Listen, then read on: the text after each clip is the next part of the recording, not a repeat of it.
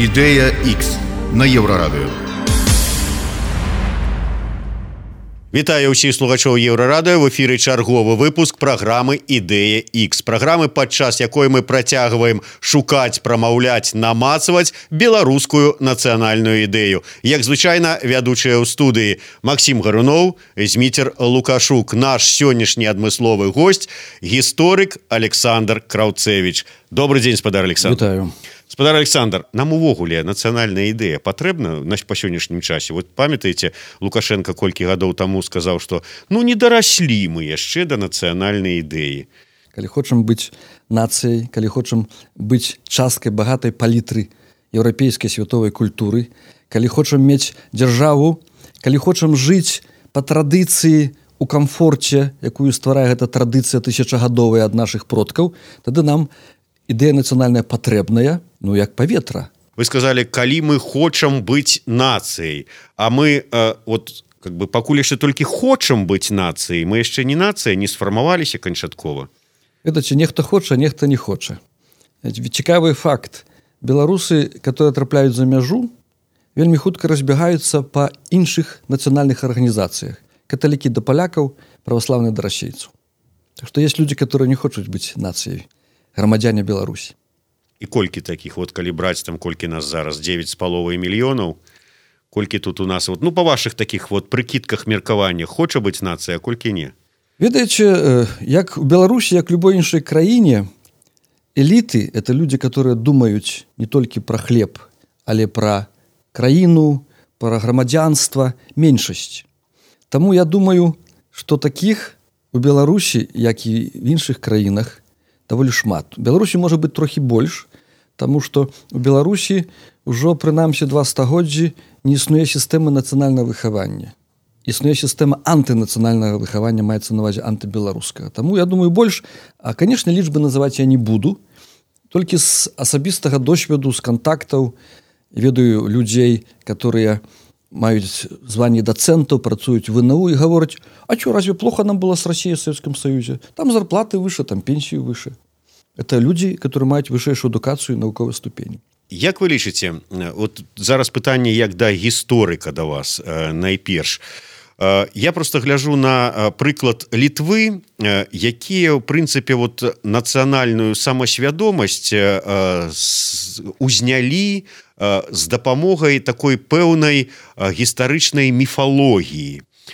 Можа быть там нечага такога і не было яны вот раз вот узялі ці там скажем гэта было беларускае яны раз узялі прысабечылі там зрабілі от літоўская паглядзіце якія мы б героі былі вот ці патрэбна нам а, зараз вот ствараць гэтую нейкую такую может быть міфы міфалогію мы вывучаем там ведаем там вялікае княства літоўская але вот каб давесці ўсім что была такая магутная беларуская імперыя сярэднявечча каб мы ганарыліся гэтым. Аж до таго там каб про астрожскага ведалі ўсё усе і ганарыліся ім вот герой нацыянальнай беларусі які там маскавітаў адбіў. Нават для дзяцей тое же самое там усеслава чарадзея. то зрабіць яго так каб ведалі кожны дзіцёнак у Беларусі. Вот што я ўкладаю гэтае слово А мы уже это зрабілі. Таму что 30 з нечым гадоў таму калі я пачынаў свядома займацца гісторыя вяліка княства літоўскага тады калі ты гаварыў что вяліка княства літоўскае было і беларускай дзяржавай это ўспрымалася як дзівацтва па меншай меры. Цяпер праз 30 гадоў уже няма патрэбы пераконваць адукаваную частку беларускага грамадства что вяліка княства літоўскае было беларускай дзяржавай. Нават больш таго мы прымусілі гэта сказаць афіцыйна з трыбуны лукашэнку. 2017 годзе ён заявіў што полацка княства наша дзяржаўнасць і вяліка княства літоўская таксама бо пачатку 2000х гадоў за крытыку выказвання лукашэнкі про тое што вяліка княства літоўская эксплуатавала беларусаў мне давялося пакінуць працу ў гарадзецкім універсітэце а не прайшло і 13 гадоў як лукашенко паўтарыў тое за што я мяне попрасілі з універсітэта Так што мы это зрабілі. А калі гэта гаворыць і мае ў свядомасці адукаваная частка грамадства, то перавесці гэта на ўзровень масавай свядомасці это уже справа вырашальная. І гэта робіцца праз падручнікі, праз помнікі, праз папулярную літаратуру. То есть не ўсё так дрэнна в гэтым плане. Мы тут э, ездили с Змитсером в Белосток, встречались с известным историком Олегом Латышонком, и он, он высказал несколько, несколько замечаний по поводу вот всей этой вот отношения к национальной памяти белорусов. Вот он сказал, что примерно так это звучало – вот э, белорусские историки национальные, когда думают о своем прошлом, да, вот представляют себе историю вот белорусов нынешних, современных, какие они сейчас есть, они э, обращаются к Гедемину, к Сапеге, к Витовту, к Вячеславу и так далее, так далее к каким-то князьям. Вот. Но э, он говорит, что вот если мы разберемся, то получится, что нынешние белорусы, они не наследуют Сапеги они не наследуют э, вообще никому из тех э, аристократов, которые там были. Аристократы, они были сами по себе. Нынешние белорусы напрямую э, наследуют э, тем людям, э, за счет кого Гедемин жил. То есть он, они наследуют там, крепостным крестьянам да, э, Гедемина. И он, он, он так сказал, что, в общем, если мы хотим найти основателей белорусской нации, да, настоящих, то это братья Луцевич. Мицкевич, да? То есть вот, а, а вот как раз они обращались напрямую к реальным белорусам, да, и настоящий белорус, да, вот какое-то вот то, из чего нынешнее государство выросло, да, и на кого это ориентировались Луцкевичи, да, это именно не дворяне, не аристократы, а те, кто от них страдал, а, тех, кто а, был вынужден а, их кормить, да, вот, от людей бесправных. И а, отсюда, в общем, как бы он выводит как бы вот это вот и все проблемы белорусов понятны становятся после вот этого. А как вот и вот как вы к этому отнесетесь? Я слухаў вельмі уважліва і mm -hmm. нават два разы mm -hmm. выступ вашу размову с олегом матышонкам Вось ён мой даўні даўні сябра mm -hmm. я дарэчы яго зацытую mm -hmm. часто яго цытую он мне сказаў аднойчы што гісторыя была такой якой мы напішам вельмі глыбокая глыбокая цытата і мне не зразумела яго абмежаванне беларускай культуры да культуры сялянскай угу. і я покажу на прыкладзе суседняй літувы чаму яго падыход непрадуктыўны угу. Таму что літувісы будавалі сваю сучасную мадэрную нацыю таксама на традыцыйна сялянскай культуры але яны не абышліся без глыбейшай гістарычнай міфалогіі ідэалогіі яны взяли сабе прысвоілі все вяліка княства літоўскае пачынаючы ад конца 12 пачатку 13 стагоддзя. Прычым настолькі цвёрда что зараз міфалогія пра гэту дзяржаву з'яўляецца краеугольным вугольным камнем нацыянальнай ідэалогіі.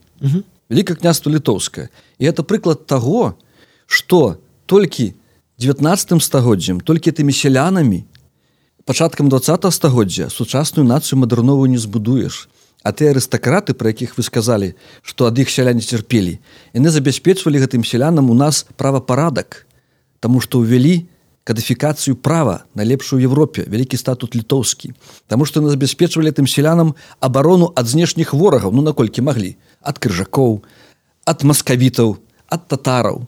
Так что не трэба гаварыць что была толькі эксплуатацыя была ну, сярэднія вякі таксама існавала так званая тэорія форма грамадскай дамовы.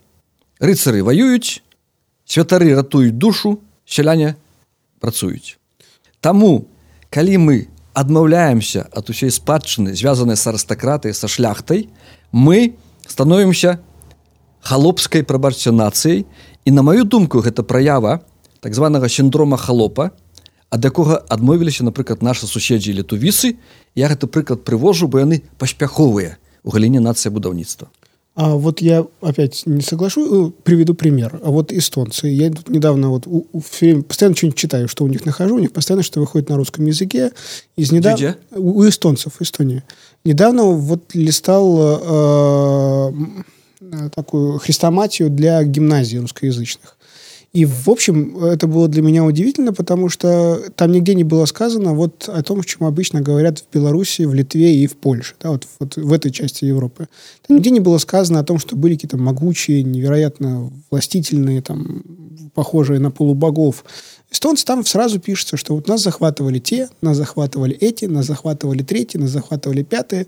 И вообще эстонцы вот сделали большой шаг в и у них э, они стали, они стали, при, э, стали причастны к политике. Там в 1915 году э, у Та, в Таллине появился первый мэр эстонец. И они, в общем, э, вот, а до этого, ну, как бы вот на вторых, на третьих, на четвертых ролях очень много написано было о том, как эстонцы страдали от одних, от вторых, от третьих, от четвертых. И тем не менее, вот такое прошлое, да, учебник, одобренный Министерством образования Эстонии, Э, не мешает эстонцам а, быть действительно самой э, благополучной нацией. Да? Вот, вот из всего постсоветского союза, если посмотреть отчеты, которые там Европейская комиссия составляет, всевозможные, да, эстонцы, они самые вот э, самые образцовые ну, практически во всем. Парламент работает как часы, да, э, образование Татовский университет, ну, не Оксфорд, конечно, но тем не менее, да, в, первых, в, в первых 50, это вот один вариант, да, вот в этом же регионе. Другой вариант, вот сейчас Гонконг. Какое, какое национальное прошлое у Гонконга? Да, бывшая британская колония. Иначе я бы не стал притягивать сюда приклад Гонконга, потому mm -hmm. что все-таки история постколониальных краинов mm -hmm. отрознивается от нашего региона. Я бы звернул увагу больше на Эстонию. Mm -hmm аднёсся да Эстоніі это больш блізкі нам прыклад ведаеце я вас смею смею запэўніць што калі б эстонцы мелі у мінулым дзяржаву да якой маглі б аднесціся яны б это зрабілі бы з вялікай радасцю. І калі б гэтыя спачатку дацкія а потом нямецкія бароны развівалі эстонскую мову напрыклад у 15 16 стагоддзі выпусцілі кодекс права на эстонскай мове яны былі б першымі героямі эстоніі і сталі бы ім помнікі. Просто гісторыя склалася так што ім нема на што перціся ў мінулы А калі есть такая магчымасць то ніхто ніякая нацыя ад гэтага не адмаўляецца. Эстонцы выжылі як народ дзякуючы таму што мы наше вялікае княства літоўскае не аддала ордэну жамойць Таму што яшчэ ў 14 стагоддзі была такая задача тэтонска ордэна злучыцца па сушы прусую прусы і інфлянты і тады у Эстонію і Латвію сучасныя хлынул бы поток нямецкіх каланістаў. А так жмуть ляжала на этой дарозе туды можна было даплыць токі морам і гэта абмежавала фізічна і тэхнічна каланізацыю нямецкую этой краіны. І немцы там былі в асноўным арыстакратыя феадалы і мяшчане. І гэты народ вясковы пераважна ён ацалеў. Другі прыклад прусія. Там польскія князі пропускалі пра свае тэрыторыі караваны тых сялянаў гаражанаў і ад прусіі ад народа сталася только назва. Нюанс. То есть Эстонія не мае у мінулым ніводнага дзяржаўнага утварэння які б яна мага пакласці ў сваю нацыянальную ідэалогію. І ей это а мы маем. і ей это ни разу не мешает быть образцово показательной с точки зрения всех вот европейских э, назиральников. Назиральников Да. Вот. Э, и поэтому то есть, ваш тезис о том, что вот э, это прошлое, оно необходимо, да, оно является обязательным условием а, сплочения нации и в конечном итоге экономического, культурного успеха, он вроде бы как не очень э, как бы играет. Я скажу так, может быть, в нашем регионе это не заўсёды ён такі неабходны, але гэта адзін з важнейшых фактараў, калі браць шырэй наш рэгіён цэнтральна-ўсходнюю Еўропу. З чаго пачалося чэшскае адраджэнне? Нібы кажуць з фальсіфікацыі хронікі чэшскай 15 стагоддзя пра слаўную гісторыю чэшскае каралеўства. Это это дало такі вельмі магутны імпульс магутны штуршок. Незалежнасць венгрыі ад австрыі 19 стагоддзя папіралася на слаўнае мінулае венгерскае каралеўства. То есть слаўная гісторыя моцная дзяржава ў мінулым это вялікі імпульс да нацыяўтварэння тое што эстонцы все-таки сталі нацыяй гэта гаворыць яшчэ пра тое там склаліся яшчэ іншыя чыннікі. Па-першае што расійская імперыя не разглядала эстонцаў як частку свайго народа. Эстонцам дазвалялася адукацыя на сваёй мове пачатковая хаця бы чаго не дазвалялася беларусам і украінцам тут вельмі вельмі шмат фактараў. Эстонія Латвія літва это невялікія краіны якія бальшавікі гатовыя былі аддаць часова под прэсіяй антанты і абсалютна не былі готовы аддаць украіну Беларусь шмат можна гаварыць ведаеце ними все что вы сейчас перечисляете с точки зрения вот такого националиста это позор позор позор позор для эстонцев то есть как бы мы э, тут сидим и нам просто везет до нас вот немцы не дошли почему ну а если... у чым ганьба ну вот как бы то есть у вас получается что эстонцы они в общем никак себя не проявляли да, все время были в подчиненном положении на вельмі актыўна все проявляли вот но и и вот стартанули, вот как бы, вот, как, знаешь, как, как Гагарин в космос, только вот в начале прошлого века. Да, и тем не менее, ну, то есть, как бы, то есть, а если, когда эстонец озирается назад, он видит, что, в общем, его народ был всегда жертвой обстоятельств. Да, вот, и он вынужден был приспосабливаться. Вот им повезло, что чиновники в Санкт-Петербурге, присмотревшись так, сквозь лорнет, на эстонцев решили, что не будем это русифицировать. Да, ну, ведаеце якраз эстонцы не, не это ганьба не лічаць. В эстонскіх працах па гісторыі папулярных вельмі шмат і моцны акцэнт робіцца на змаганне эстонцаў супраць дацкіх і нямецкіх заваённікаў. Эстонцы падымалі вельмі вельмі суровыя моцныя моцныя паўстанні. Вот, того... яны просто не грузяцца тым што іх рэшце рэз здушылі. Вот, вот из той хрестоматии, которую я прочитал, там было в самом деле много по сопротивлению, но это все история проигрыша. Ну и что? Ни, ни одной победы. Так. Ну, а ў беларусі ёсць гісторыя перамогі той же самы э, нюанс у тым што дзякуючы збегу абставінаў у двадцатым стагоддзі эстонцы захавалі дзяржаўнасць міжваенны час і потым здолелі адрадзіць яе пасля упадку савецкага саюза нягледзячы на сутнасць слаўнай гісторыі нягледзячы на, на суперак. І тое што іх не было слаўнай гісторыі это ім якраз перашкаджала это быў фактор абцяжарваючы калі параўноўваць з іншымі народамі А калі у нас гэта гісторыя ёсць то навошта тады адмаўляцца адмаўляцца ад беларускай мовы статутаў літоў Ну так арыстакрат сапега здраднік яго і рабіў это mm -hmm. статут літоўскі то што нам гэта адмаўляцца нам адмаўляцца ад летапісаў наших. Нам адмаўляцца ад сотняў тысячаў дакументаў на беларускай мове которые стварылі арыстакраты которые лежаць у архівах літувы Беларусі вы это я, пропановываете? Нет я говорю не о том чтобы отказываться. Ни в коем случае. Я говорю об интерпретации которая была бы э, то есть я учитываю, что литов, э, статут литовский это невероятное достижение, да, это просто дар Господень, да, то, что тот факт, что здесь в Минске есть ратуша, и на нее можно посмотреть. Вот, эстонцам это не потребно. Эстонцы селянского народа выраслі ў самую перадавую нацыю вот, сярод савецкай постпрасторы так можа і нам так зрабіць я нет, нет, нет, вопрос не в том чтобы отказ, отказываться от этого а в том в смысле чтобы это переинтерпретировать просто вот еще есть так вот как бы это мое личное сейчас вот задам и замолчу а, еще мое личное впечатление если мы сейчас посмотрим на вот восток Европы да то мы увидим что вот есть Польша и Польша опять же то о чем нам говорят европейские всякие обозреватели – в общем, не очень-то все хорошо у них там со всякими этими демократическими свободами.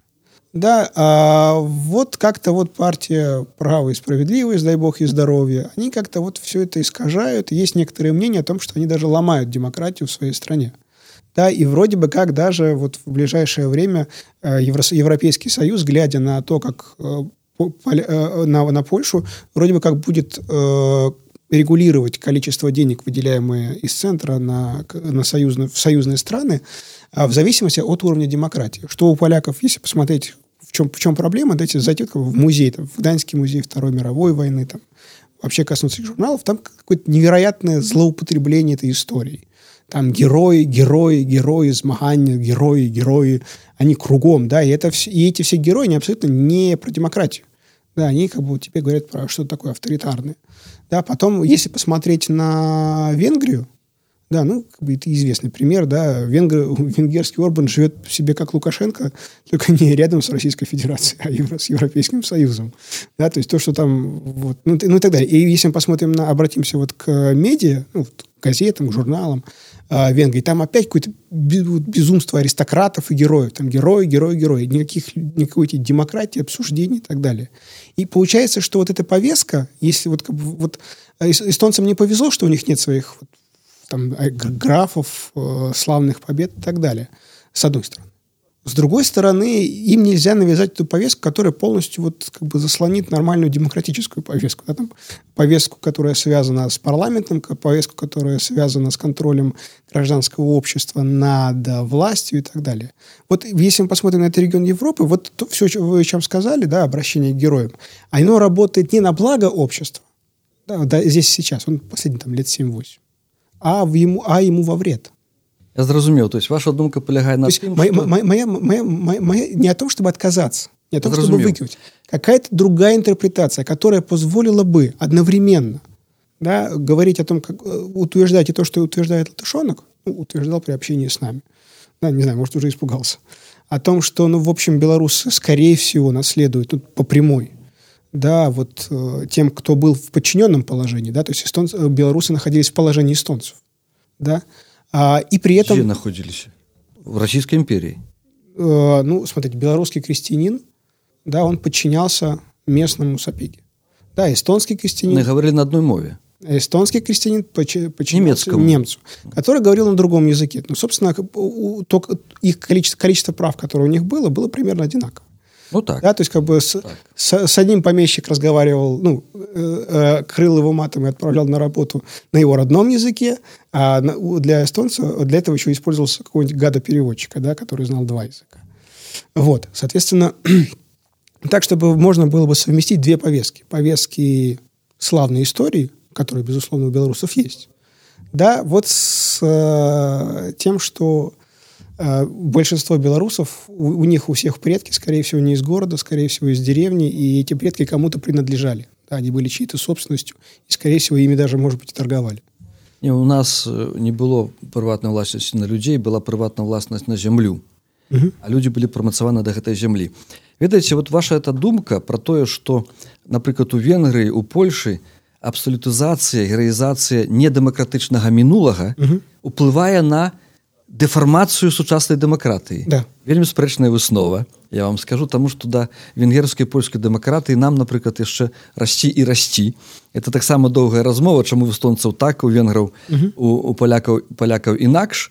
Ведаеце э, вы зноў жа паўтараеце хіба дарогу наших беларускіх сацыялістаў а потым камуністаў у пачатку два стагоддзя которые лозунги сацыяльныя рэвалюцыйныя ставілі вышэй за лозунги, лозунги нацыянальныя і не дапусцілі да ўлады нап- напрыклад скірмунта романа скірмута буйнога памешчыка ваніловича іншых яны просто іх выпіхнули з беларускага руху і бачыце чым гэта кончылася з другого боку калі чырвоная армія ішла на варшаву 1920 годзе і тухачеўскі адарваўся ад сваіх тылоў яны ішлі ў перакананні што польскія сяляне і рабочыя пры ўступленні чырвонай арміі на тэрыторыю польшы як адзін падымуцца супраць сваіх эксплуататараў. Але казалася што якраз для палякаў для польскіх сялян і рабочых которые былі шараговымі войску пілсудскага нацыянальныя вартасці былі вышэй за вартасці сацыяльныя. І яны затрымалі тухачеўска под варшавай.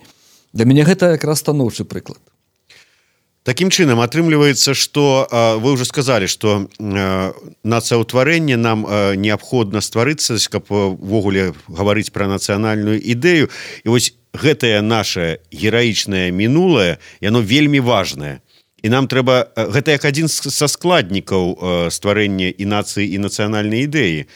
Але нам трэба яго неяк вот подцягнуць вот гэта ўсё мінулае неяк вот э, под сябе вот бліжэй каб яно бліжэй до нас стало Видите, вот Дубовец вот в этом моменте, он говорил о том, что национальную идею, ее нужно, как дьявол, ее нужно запрячь в хомут, ее нужно связывать. Потому что если эту повестку отпускать, она будет, э, она разрушит страну, она разрушит общество. Да, то есть адказ на пытанне зміцера несумненна толькі каб гэта увесці як вы гаворыце падцягнуць трэба каб уключыўся дзяржаўны ідэалагічны апарат а нас ён пакуль разбурае. Калі гаварыць пра эстонію так удалы прыклад дэмакратызацыі постсавецкай рэспублікі так? Згодны.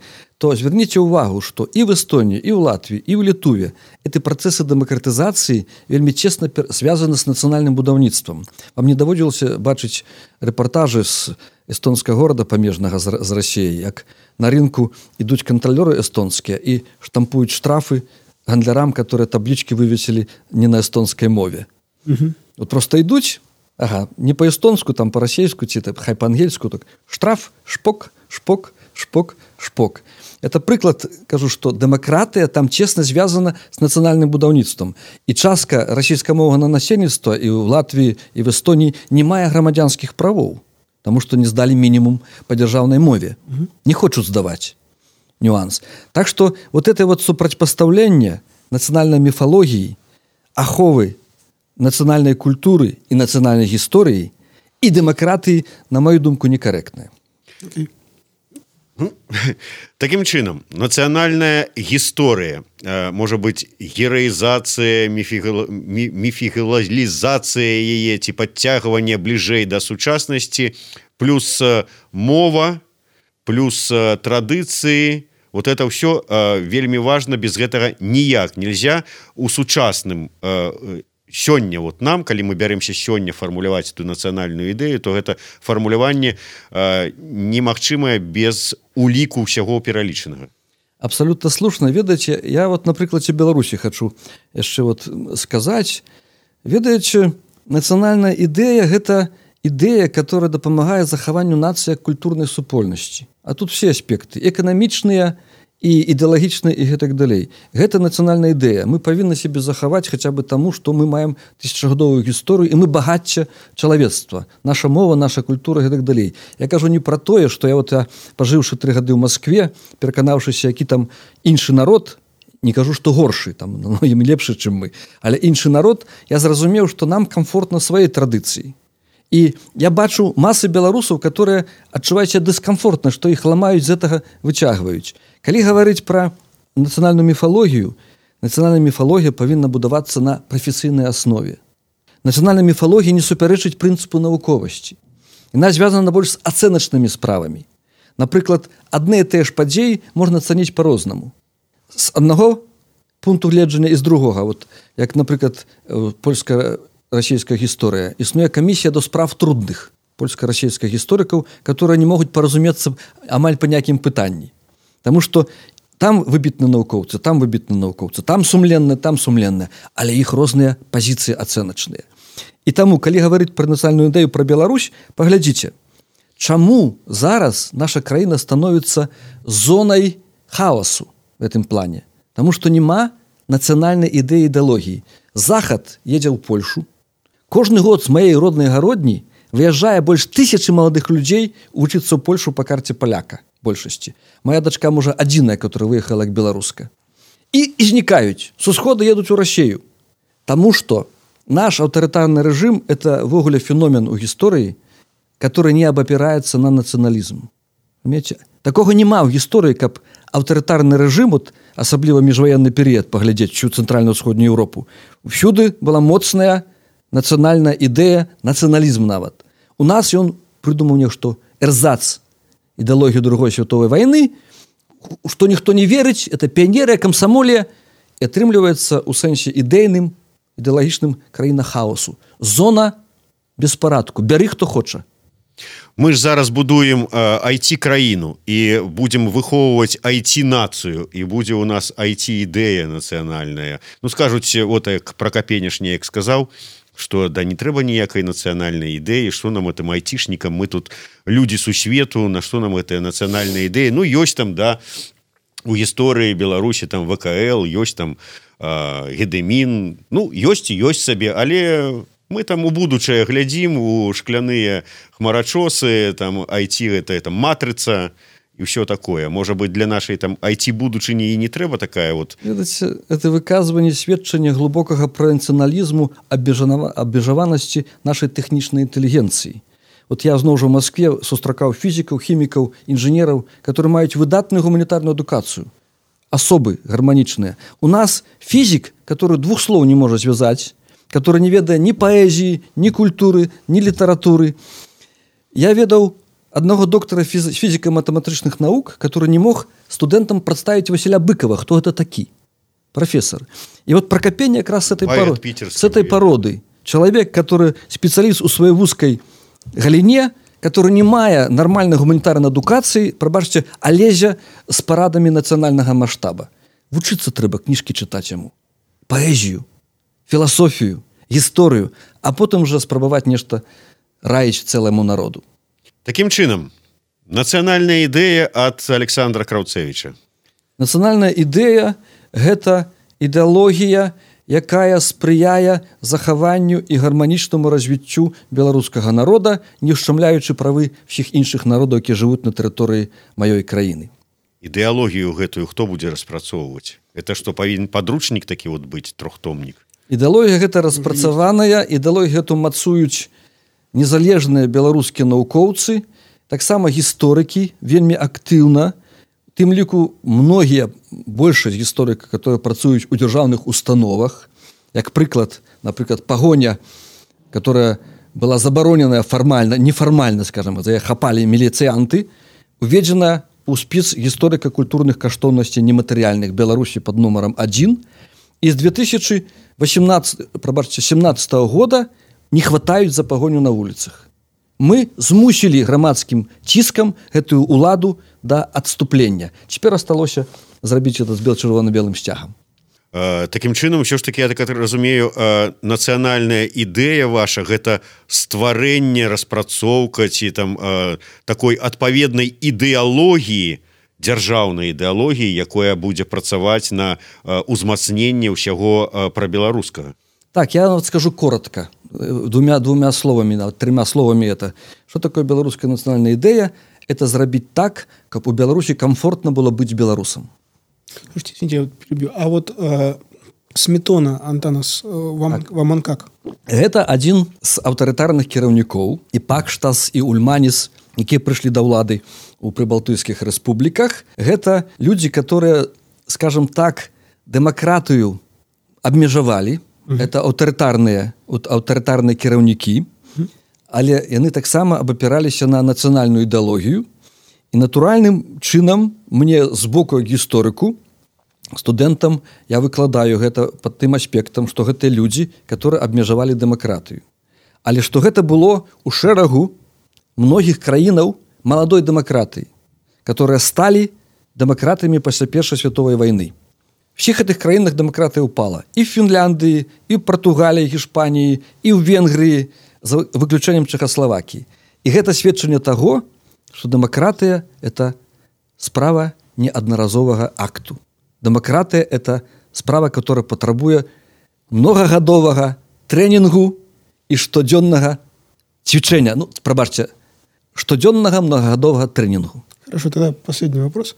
А вот если Лукашенко завтра ска- даст команду всей своей а вот, к, э, э, вот бюрократической машине, которая ему, как, как, как тут как все говорят, подчиняется абсолютно беспрекословно, переходить на белорусский язык.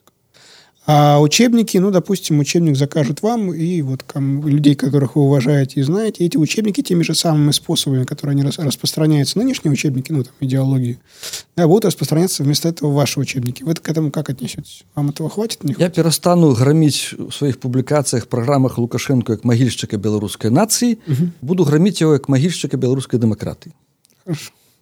Теперь я все понял.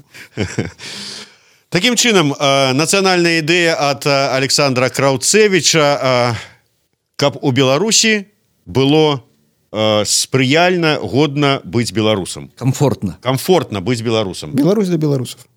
Беларусь для беларусаў?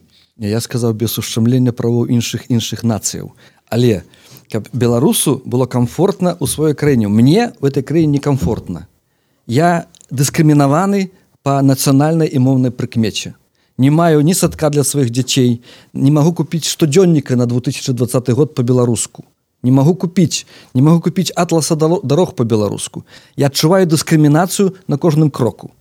І супраць гэтага буду змагацца і ніколі за гэта лукашэнца не выбачу Дякую вялікі Вось такая нацыянальная ідэя ад Александра Краўцевіча. А вось такі падаруначак ад еўрарады і нашага партнёра крамы з нацыянальным каларытам сымбальбай кубак вось з такімі э, знакамітымі лічбамі 1863 і э, подпісам э, таким э, паролям э, ці э, гімнам захоўвайце спакой ды вастрыце косы. Прыйдзе час можа змагацца за тое каб беларусам было комфортна быць у беларусі беларусамі. Кажучы юрыдычнай мовай сучаснай заклік да насильственного изменения существующего государственного устроя. Никогда. ні ў якім разе Максим гаруноў зміцер лукашук Александр краўцевич слухайте і глядзіце нас. Ідэя X на Еўрарадыё.